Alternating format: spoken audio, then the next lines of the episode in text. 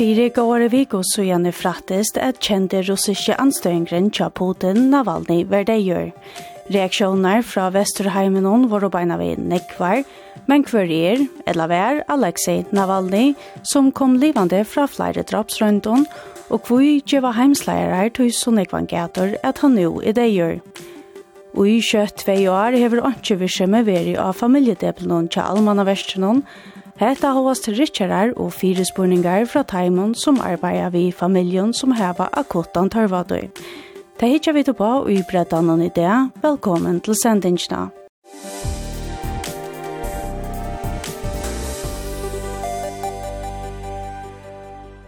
Stanavani from Stanavani from Israeli television, aren't you afraid? Mr. Navalny from Israel. Seijen da januar 2021 ser at han og gjennom flåfære ur Berlin til Moskva, Alexei Navalny. Han hei gitt av vært til vittjer i Tysklandet etter at han negre måneder åren var eitravur, men etter lokna vittjer får han atter til Russlands. Очень, очень счастлив и будет круто, если вы дадите мне сесть. Han er kjentastor fyrir sunnar kvasso atfinningar av russiska styrnon og russiska forsettanon Vladimir Putin. Og fyrir gåare viko så gjerne fratte så at kjente russiske anstøyngren var deir i fengalevene. Tjei og fjörde åra gamle Navalny var bliven ytla fire og mist vite og en gongeture. Hese våre bøyene fra fongsolsmyndelaganon og i Jamal Nenets søsta frutjade. og stort etter kommer reaksjoner fra Vesterheimenon.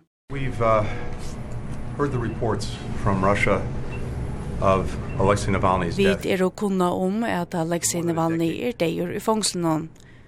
Og i meira enn 20 år hever russiska stjøtnen jakstra, eitra og fongsla Alexei Navalny. Og nu er han deir. And now, the reports of his death. Om hetta passar er og okkara tankar tja familju hansara. To his wife and to his family. Beyond that, Deie hansara og i russiska fångstenen og øtten fyrir einomanne understrykar veikleikan og råtenskapen og i kibanene som Putin hever lagt lånar under. At the heart of the system that Putin has built. Om Russland hever avbyrdna av hesson, færa vi tåsa vi omurlånt om Navalny. About Alexei Navalny, uh, especially if these reports bear out to be true. I am deeply saddened and uh, concerned about the reports um, coming from Russia that uh, Jeg er Sera Harmor og storen om bøyene ur Russlandi om at Alexei Navalny er det gjør. Omstående må kannast. Russland må svære for seg. Alexei Navalny has been a strong voice for freedom for Alexei Navalny hever i flere år vært en sterk rødt for fralse og folkereie. His... NATO og NATO sammen hever bygge om at han var leisleten. Og i det færre mine tankar til familie hansara. Vi stola framhaldande i Øtlund som ganger inn fire folkarei og fralse, ens og Navalny i flere år har vi gjørst. Support everyone that uh, believes in democracy and uh, freedom as uh, Alexei, Alexei Navalny has done for so many years. Men bøyene ur Kreml var stått og grei. De var å kunna om Navalny, men kjente annars ikke til omstående til dessfadlet. Насколько мы знаем, сейчас в соответствии со всеми действующими правилами. Okkon kunnot og utra vi rekligjerna fyrir fungsolsmyndelegjen et kanna male. Vanlig mannagongt verur fyllt, og taimon fylltja myndelegjanar eisne. Вот правила, которыми сейчас всем руководствуются. Men hver er kjente russiske anstøyngren Alexei Navalny, som kom livande fra flere drapsrøynton, og hvor ikke var heimsleier er tog som jeg gator at han jo er det gjør. Fyrir jeg sværa tøyspurningsnån må vi spola tøyene atter til fyrst og i nullenon ta Navalny fyrst og fyrt trein inn av allmenna paddelen i Russlande. Just som Vladimir Putin eisne gjørtes forsøkte. Navalny, som annars er utbyggven løgfrøyngur, gjørtes politiskt aktiver og brukte sosiala milar som ein paddel at tåsa vi russiska fölkje. Og i 2006 var han bortvistur ur liberala flosjonen Jabloko fyrir sunna meiningar. Nøkur år sætne, og i 2011 skipa i han fri en rød av ståron og motmeldeskongkon i Russlande, vi slea årenon Putin er en tjover, som skulle vise av at svik skulle være færre fram til russiska fortsetta vele ta. Sjølver Jack Navalny fremst, og var han tidsen og sett inne i 15 dager. Just avurnevnda slæore, Putin er en tjover, er rett og i ett kjenne til Navalny helst i kjentas fire – at vilja avduka Putin. Stort etter ståna han eit fela, FBK, vi tog endamale at strujast måte og avduka motor. Eit fela som fortjei virse med Tja Navalny, og som i flere føron hever avduka motor i russiske stjøtnene. Og i 2018 avleie ein domstoler i Moskva at felaie skulle nyleggjast. Samme året rønte Navalny at bjåa Putin av som fortsetter i Russlandet, Men av tog at Navalny hei en dom fyrir pengasvik, kunde han ikkje stille opp. Av tog sama er han helst ein av kjentast og atfinnaren av Putin og hever vi ute fyrir flere drapsrøyndon. Seinast og ferna, og i 2020, ta han vær eitravur vi Novichok. Han kom fyrir etter vitjer ui Tyslande, men hendingen fekk nekva mila omrøvo og nekva gitingar hava veri om hver heie eitra Navalny. Eisne gitingar om at mynduleggane stå 18-4, men gitingar som Kreml vuste fra seg. Men nu er Alexei Navalny deier, og Luiv er atterkomi ui gitingarna. Særlig etter at kona Navalny, Julia Navalnaya, fyrir nøkron døvun sujane, sier seg vita at Putin stendte fire drapen av mannen hennara. Og i sjånbandet sier hon. Færre at nevna nøvn og visa anlitt, sier hon. Mamma Navalny hefur finnst nokta eadgong til lykhuset her hildi verur at lykje av Navalny er. Antja Navalny sida vera ønt og ómansligt er krekva lykje og så statt forra mammene og jeg sutja deia sonen. Antjan er sannført om at Navalny enn ein affær er eidraver vid Novichok, og myndelagane likva og drala vi at utflytja lujtja, så prekvene kvarva.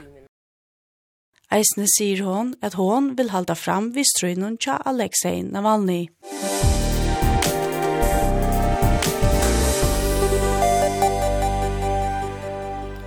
Og i Inslanon hørte vi det amerikanske Haran, Anthony Blinken, eh, Jens Stoltenberg, NATO-elskrivare og Dmitri Peskov, som er talsfolk til russisk og stjøttene.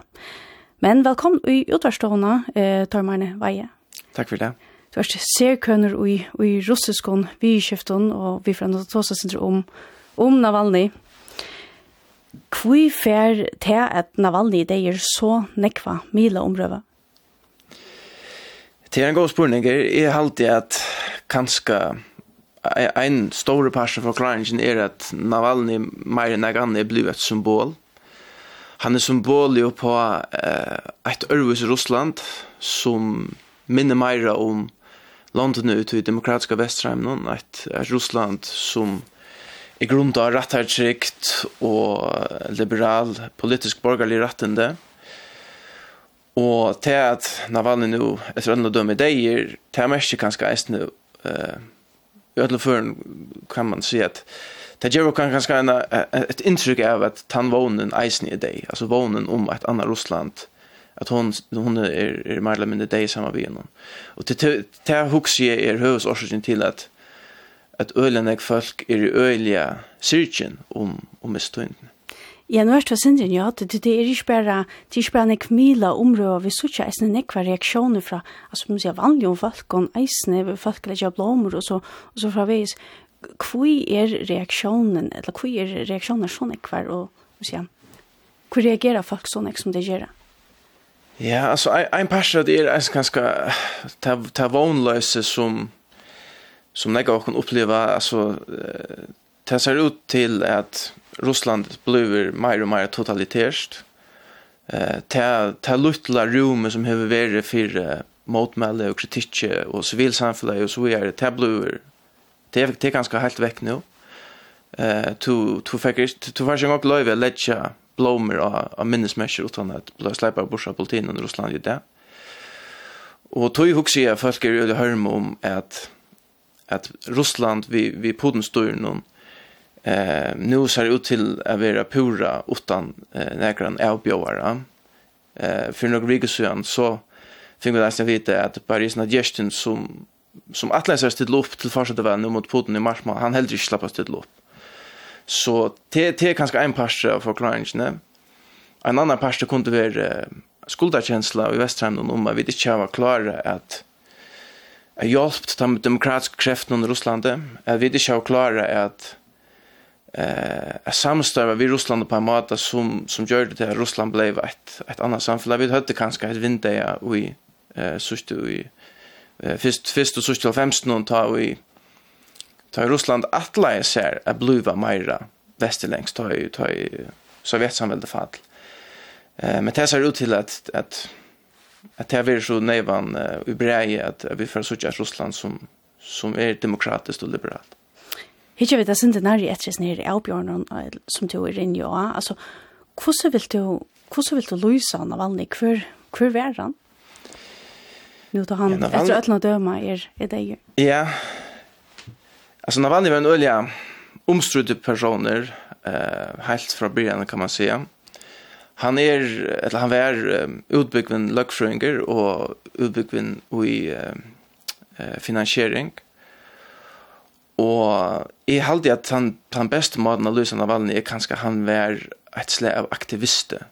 Han var han var eisende politiker, men han var ganska först och främst en aktivister som struttest för eh en og meira liberalen og demokratisk Russland.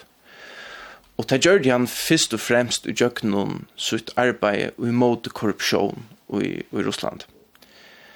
Eh, og han byrja faktisk som et slag av eh minne lota pasta eiera og i imskon eh, storun russiskon fyrtøkon her som har rundt jeg bruka sånne vitan eh, innan luxury og finansiering til at avduka korruption i stora russiskon statsriknon fyrtökon.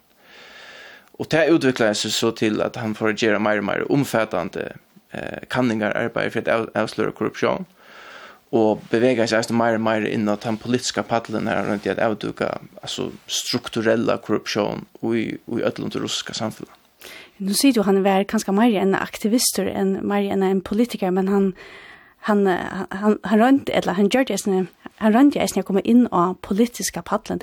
Hver var han som politiker, som det var nevnt i sånne her Insland som vi just hørte, så var han eisne blek av roren flotje. Hver, hver var han som politiker? Ja, altså Navalny, i Russland vil man sagt at han var liberaler. Og liberaler i Russland det merker først og fremst at du eh, vil hava en, en marknarbudskap, og, og så eisen i ørlei at, at du vil hava meira ehm um, kanske man säga mer vald till till folket. Ehm men först och främst marknadsbudskap. Eh uh, och och Navalny var inte bara liberal, han var en nationalist. Eh och vill kanske sagt patriot. Han var ju för en en chauska man var som som i ödlus under virksam ehm var motiverad av en kärlek till Ryssland. Det må vi minnas till att han ja, han var ju mot Ryssland. Det innebär. Ja, det är akkurat det. Alltså han var han han var med landa tar han blev tar han blev fångslad nu så så kom han av listan till Amnesty International över samviska fängar. Men så blev han också kött till nära att tror jag att man fann fram till några utsagner som han har haft ta fist i 2000 om eh tillflyttare eh och om om de muslimska folka i Kaukasus. Ehm så så han var sammansätter och är väl det kanske sagt att han var eisen på en måte en en opportunist som som rönte att finna rum och en en ölja eh är marska hon eh, plats till politisk verksamhet så så till att han börjar ut ja högra människan faktiskt och i, och i rysk politik var ganska inte inte så näkt att han ideologiskt var så eller samfällt runt det men gav hon en pall til at kritisera styret til nationalistan i Russland er i eisende Putin-kritikar, det må man minnes til. Og han var, han var virkelig noe jabbeka som er den, den liksom, liberale flokkeren i Russland, som er mer eller mindre deier i det. Og, og han ble vist køyre ur jabbeka til at han eh, hei kraft, at Grigori Javlinski som, som stående i jabbeka skulle bli atvalder av en i og det helt man ikke var så redd cool. Han kom til som den korru flotsen. Så kanskje eisne, hva skal eisne her? ganska sin du kontroversielle utsagn som, som vi ganska vil sagt her. Ja, yeah. han er veldig øyla bombastisker og, og han er alltid veldig sin kompromisleiser eisne. Det krevst hvis du skal livle ut på, ut politiska løven i Russland. Du måste være också kompromisleiser. Och han har angått att passa in i det politiska systemet, alltså det, det lukar som formella politiska system i Ryssland. Och här är det då han bättre att navigera utanför det, vill jag sagt. Så det vill säga att, att det är, han är ganska en personer som, som får rättliga nekva mil områd nu och det vill ta sig om, om folkarej och fralse men, men var ganska samsons eisen neka som, som vi ter, som vi, vi akkurat parser heim nå vil det, vil det sagt være mera kontroversiella eller på så. Ja, det här halde er, er man kan säga. Och jag til samme, så har man eisen alltid varit middel middel nekva russar øyla opopulär. Och hvis man hikker etter tamkanningen som var gjør der, av hvor så vel omtøktere han er, så tar jeg til på det aller haksta ta beint av han, han kom hjemme til og ble fangslaver i, i 2021, så hører det li om 20 prosent, altså det som vi kallar for approval rating, tjona. det er 40 prosent Jeg var enten ikke, ikke til John DeVito, jeg hadde vært sin luga glad vi, vi det som han gjør det, ja. Og tar han stilla upp til, han stilla upp til Blå Borgarstjør i Moskva i 2013, ta fikk han 20% av utgående, Så var ikke mer enn man i råkna vi. Så han er ikke, altså i Vesterheim, så, så lukka som er en uimynden av, av liberalen, viron og så videre, men, men i Russland gjør han alltid vært kontroversieller og, og mellom summe veldig opopulær. Ja, hva er det for rörsla eller man säger eh, som han har skapat i Ryssland. Hur så han uppfärd över det här i eller i Ryssland? Det är väl det är väl som kunde spela för för som så är han ett instrument till Västerheim nu. Han är kanske en agent för CIA eller ta ta amerikanska utrikesrådet som som är sätter eh av paddeln i Ryssland för att destabilisera och skapa ösing och split. Eh för som och till särskilt ung folk eh till yngre attalin i Russland er han eh en vån om ett ett örvis Russland. Och det som han dodde nog så väl, det var att bruka korruption som ett slag av jadenstånd för att, att komma in og ta politiska paddeln tror jag att det har alltid vært brei semja mellan öll i Russland om at korrupsjon är störst problem. Och öll har personliga upplevelser av, av korruption. Jag minns da i Eh, ta i börja läsa russiskt universitet i Chemahavn så fick vi det ena för att veta att visst det färd Russland så måste minnas till att häva eh, rublar ur rejen penken och pjadikon visst du blir stäcka politin och tog att så modigt modra politisterna är ofta. Till, till så ingräck vi ut i ryska samhället korruption att det kan man alltid vara samt utan mot om man är kommunist eller socialist eller liberaler att det och lägger ett samhälle och, och det klarar en att få en, en också gå en plattform eh att bygga en plattform av ehm ver emot korruption och att att avslöja korruption. Det blev Lucas som hans hövs uppgåva. Eh fram till nu har blev ja, fångslaver och och kanske blir drip. En ekva gitingar har veri om hvordan han døg og, og om han er døg.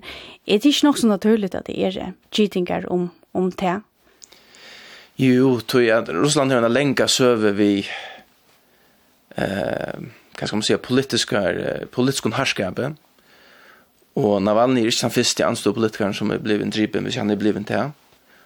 Eh i 2015 blev han han helt stora russiska anstå politikern som är väl fyra men tja tja Ben Navalny men är nu öron russiska anstå politikern Boris Nemtsov han blev skotten bara några få hundra meter från Kreml i Moskva.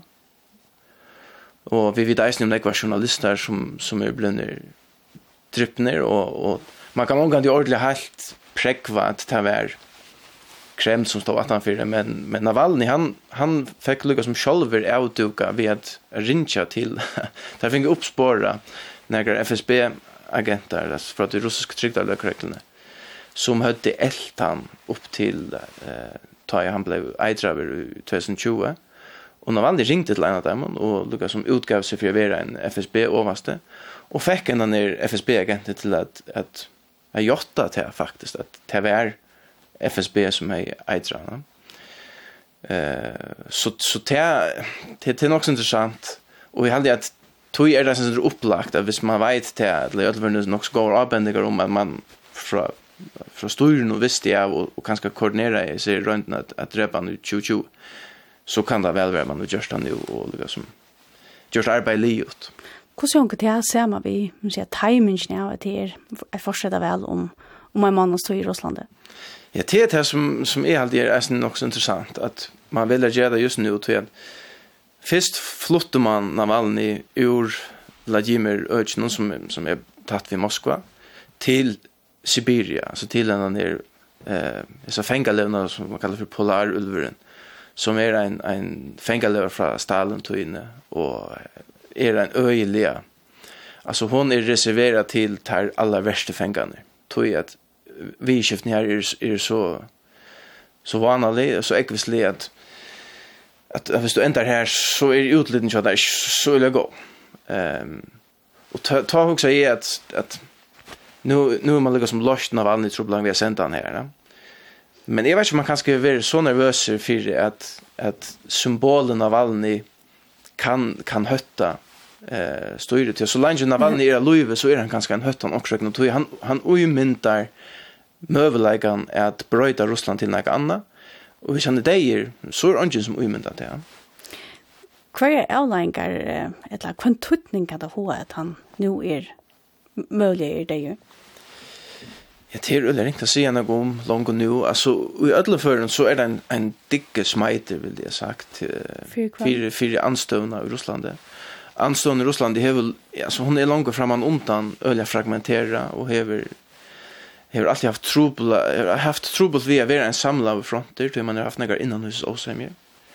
Um, men Navalny var lukka som ett symbol som, som självt om ödlig inte tog under vid ödlig som han stod för så kunde man lukka som sämjast om att han, han ombor ödlig förrun eh, ett alternativ till verande styre och till att han är borste nu till, till är en dicke som heter nu måste vi söka Gustav för att hyllnast eh, Julia Navalny konen hans är lukka som lite att han är men till hon sagt att hon, hon vill göra Ja, man ser här den där kunde gott också med tossa center om om just det här kvann like lot kan hon få fram efter som som du säger hon vill gärna lite arven att han har Alexei Navalny men och hon är resten brukt senaste veckan och på att färdas runt och ta i händerna och utanriksra her här nu och fortsätta nu i Europa-rådene eisene. like lot kan hon få fram etter? Och vad jag møllager hever hon? Ja, alltså man kan se att hon hever negrar era møllager än av Hon hever negrar fyra månader som som kanskje Navalny ikke är. Altså for det første så hever hun ikke det så med søvnene som Navalny. Hun er ikke lykke belasta av, av imeskon ting hun henne forstår. Um, hun er eisende til at hun er en kvinne, gjør henne eisende et ørvus uh, uttrykk i Russland, og særlig den yngre russere som er mer, hva skal man si, progressive, så, så er det eisende et, et størst symbol at det var en eh, lukka som kvinnelige rødt i, i, i anstå politikken. Hon, hon minner sindr om eisen, han, han belarusiska forsetan i eksil Svetlana Tikhanovskaya som jo er sindr på samme måte eh, blev politiker, ikke tog at hon gjerne ville til men tog at mevrenner ble fangslaver i Kvidarusland. Ja. Og til at Navalna, Navalny ikke er en politikar og ikke er en politiska bakgrunn, men men lukka som trakkar inn tui at hon ser det som sina sina skilte motvägs til russiska folknon. Det gjør en, en, en autoritet og en legitimitet som som hon kanskje kan kan bruka til, uh, til å få just alltså lagt okkur trust då altså oddsene för nägar anstå politikar för brott nägar Ryssland är öliga lite och hon för ödel för hon ehm och ta mot kan kan plattformen här så för en alltid vara i exil. Hon kan inte färra til Ryssland tror at te är förvandla mycket för henne. Hur du det då att man i Ryssland är och vi ser och och och ryska forskare nästan för att frihalta sig till henne. Är är det för sig alltså man har ignorerer henne. Det var det som Putin gjorde vid Navalny han han han plattade ångat jag nämna vid navn, han kallade henne alltid för forskjellige bloggaren eller aktivister, och så han nämnde ångat Navalny vid navn, för det som han ignorerar han var till. Och därför man kanske pröva vi, vi Navalny i Eisne. Um, men jag husker, visst, visst det väl är något om det att, att, att styr i huvud och försöka göra det även Navalny. Så visar det Eisne att styr är något mer skamlöst på en annan måte än det hever värre och man, man hever alltså man, man tår nekv mera än man förhever. Mm Så det kan slett ikke utlukkas at hun er et mål nå for, for ruska trygglare. Det kan godt være. Takk for at du, Vijay, utarstående, tar om herne vei. Takk for litt.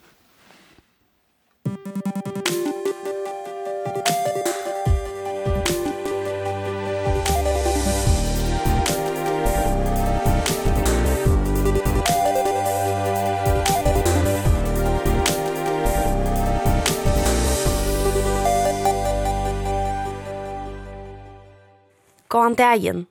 Jeg vender meg til togjen og i samband vi er familiedeblen hever ikke vært virkjen i lenga tog.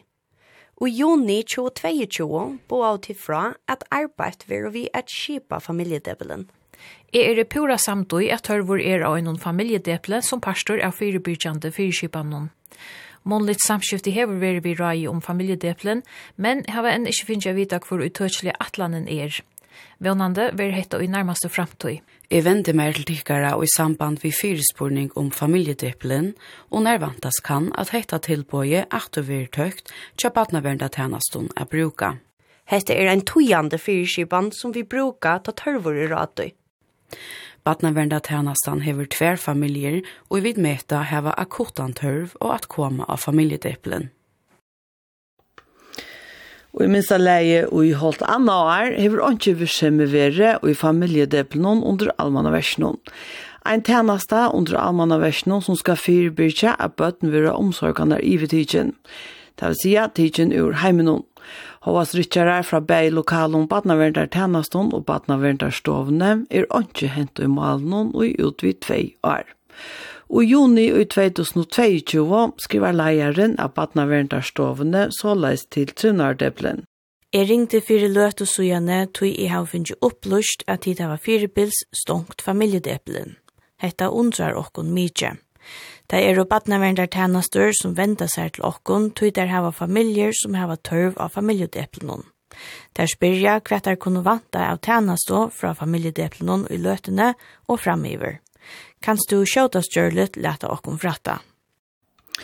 Eindarleieren i Tjuvnar Deplon skriver atur tan 16. juni i 2022 at jo, til ratt og løtene er han tjuvskjemme av familjedeplon.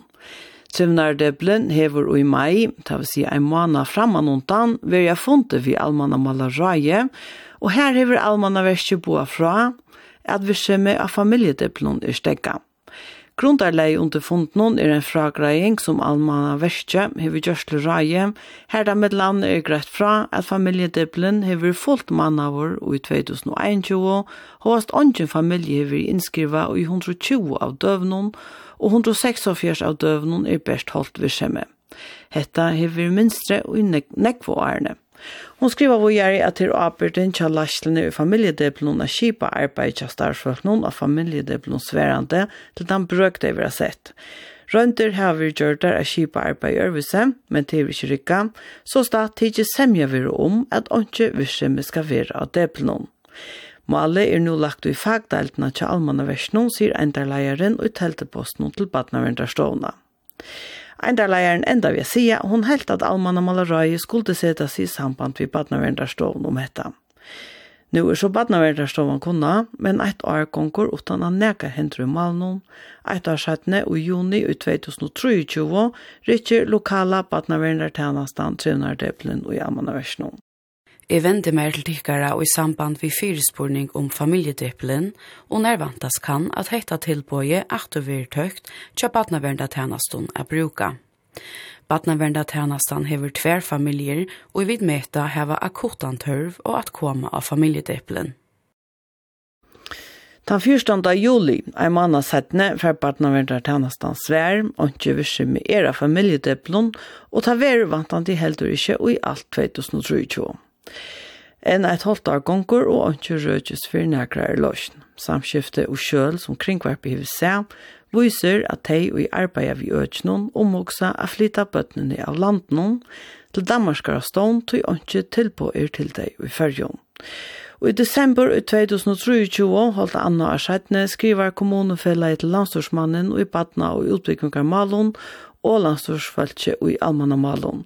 Mellom anna undrar kommunefellet i iver hva det er hent vi gjøttanene. Vi meta ikkje at det er utravill launa og vi tar avtaler som opprunalig av vøregjørte mellom land og kommuner, at familiedebelen såleis vir nilagtor, og tann at ånder vi kommande til på etla omfordøyling av futsing for fram. Vi hava alls ikke forståelse fyrir at peningren som er gjort over til å vajta familjon som hava tørv av fire virkjande fire kipanon brottlever nok til anna virksime. Høves enda vi at hava en familiedepil er a fire byrja er bøtt vera sett høymann. Urslidi av at onge familjedebel er, hever vere og fer av vera frametter, er fløyre bøtten enn neiot vera omsorganar ivertidkjen, utan at foreldrene få at han neioa chansen av vysa at hei er før fyrir menna sunna foreldra forlagar. Sambart Edvard Hen stjóra almanna versnum som var det i vike den 15. februar, standa 8 millioner enn og boje etter å være brukt der, men ånden tjeneste er til bøtnene som møvlige er og omsorgene svitjen. Bøtn som etter øtlene døma nå har boje og iver et år. Han sier såleis for det og Viko Høstein. Familiedeplen er et tilbud som for oss har vært et godt supplement til de øvrige tilbudene innenfor barnevern. Eh, og det har vært noe ulik eh, behov etter, eller for etterspørsel etter det tilbudet. Det har gjort at vi har hatt eh, i perioder nokså vanskelig med å ha en fast bemanning, for det går lange perioder hvor det ikke er mennesker, og vi har hatt nokså mange eh, ansatt, så vi har hatt problemer da med å få stabiliteten på det. Og så har det vært en diskusjon nå gjennom det siste året, hvorledes vi skal gjøre dette på best mulig måte. Havast jottade ner enn og huset stenter enn. Hevim er ongen politisk avgjør tidsin om at nyrledja familiedeblen, men Mali hever framme politisk fyrr. Tan satta oktober i 2026 hov Nålse som tar landsårsmør i Alman og Malon og i svære til Jonan Nolse Johansen at fem familjer innskriver av familiedeblen i 2021, og at, jeg, at fem familjer var innskriver i familiedeblen i 2021, og at jeg i fyra forstier var tverfamiljer innskriver, og i 102 forstier var en familie, og i 119 dier var ingen familie innskriva. Her har træd var opplyst av stånderen skal være fullt mannar året rundt. Og i dag er det John Nåse Johansen som har øtje, og han sier såleis i det i vik og høstkvølte 15. februar, holdt han og er skjedne. Vi er samtidig i tog som vi har ført fram, at vi tar vi tar synder og tog presse. Uh, Hinveien så har vi hvordan vi stedfest til at det kan ikke fære fram under verande, det kan, kan i helst forsvære som landstorsmøver, at de stående stender kanskje uh, tømmer med en person av togene. Eh och tog skulle vi samman vi kommunen och finna en goda lösning så att bara pasta vi nökte vi till avgörande i framtiden så man nettopp kunde kunde föra för att att barn och familj komma komma chela för till till till elmal mal just ner och tog skulle vi arbeta också kött på det ja. För jag lösar två fyra.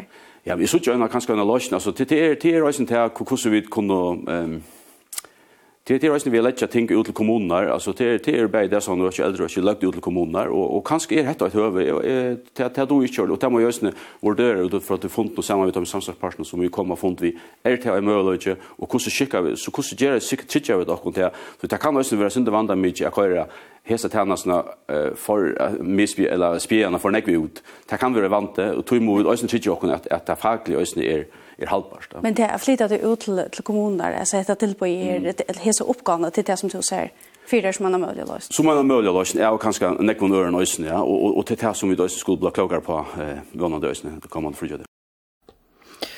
Det sier John Nås Johansen ved Kristo Jonsdøtter Kreuzmann i Davik og Høskvölde. Vi tar i samband ved hese sending grønt av finnes en avvimersing fra Batnavendar Tjenestene, Batnavendar Stovne og kommunfellene.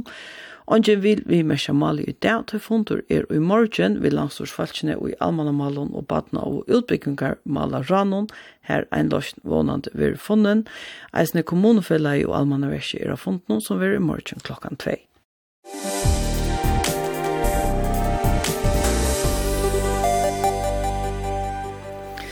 Hetta var tævi tøtt av brettan nå i det. Brettan er tøkur som pottvarsp og heima så jokkara kvf.fo om en av løtom. Brettan vil eisen i entorsentor etter tøytene klokkan 18. Husk til bretta evne, rus og Ros, er velkomna til postadressene brettenkurla.kvf.fo. Sendingene i det gjør du Kristian Jonstøtter Grøtsmann og Maren Dalsgaard. Redaktører var Marion Dalsgaard og Kari Anna Bergvær, teknikere. Vi tror at vi er nødt til å brette i morgen klokkan 12.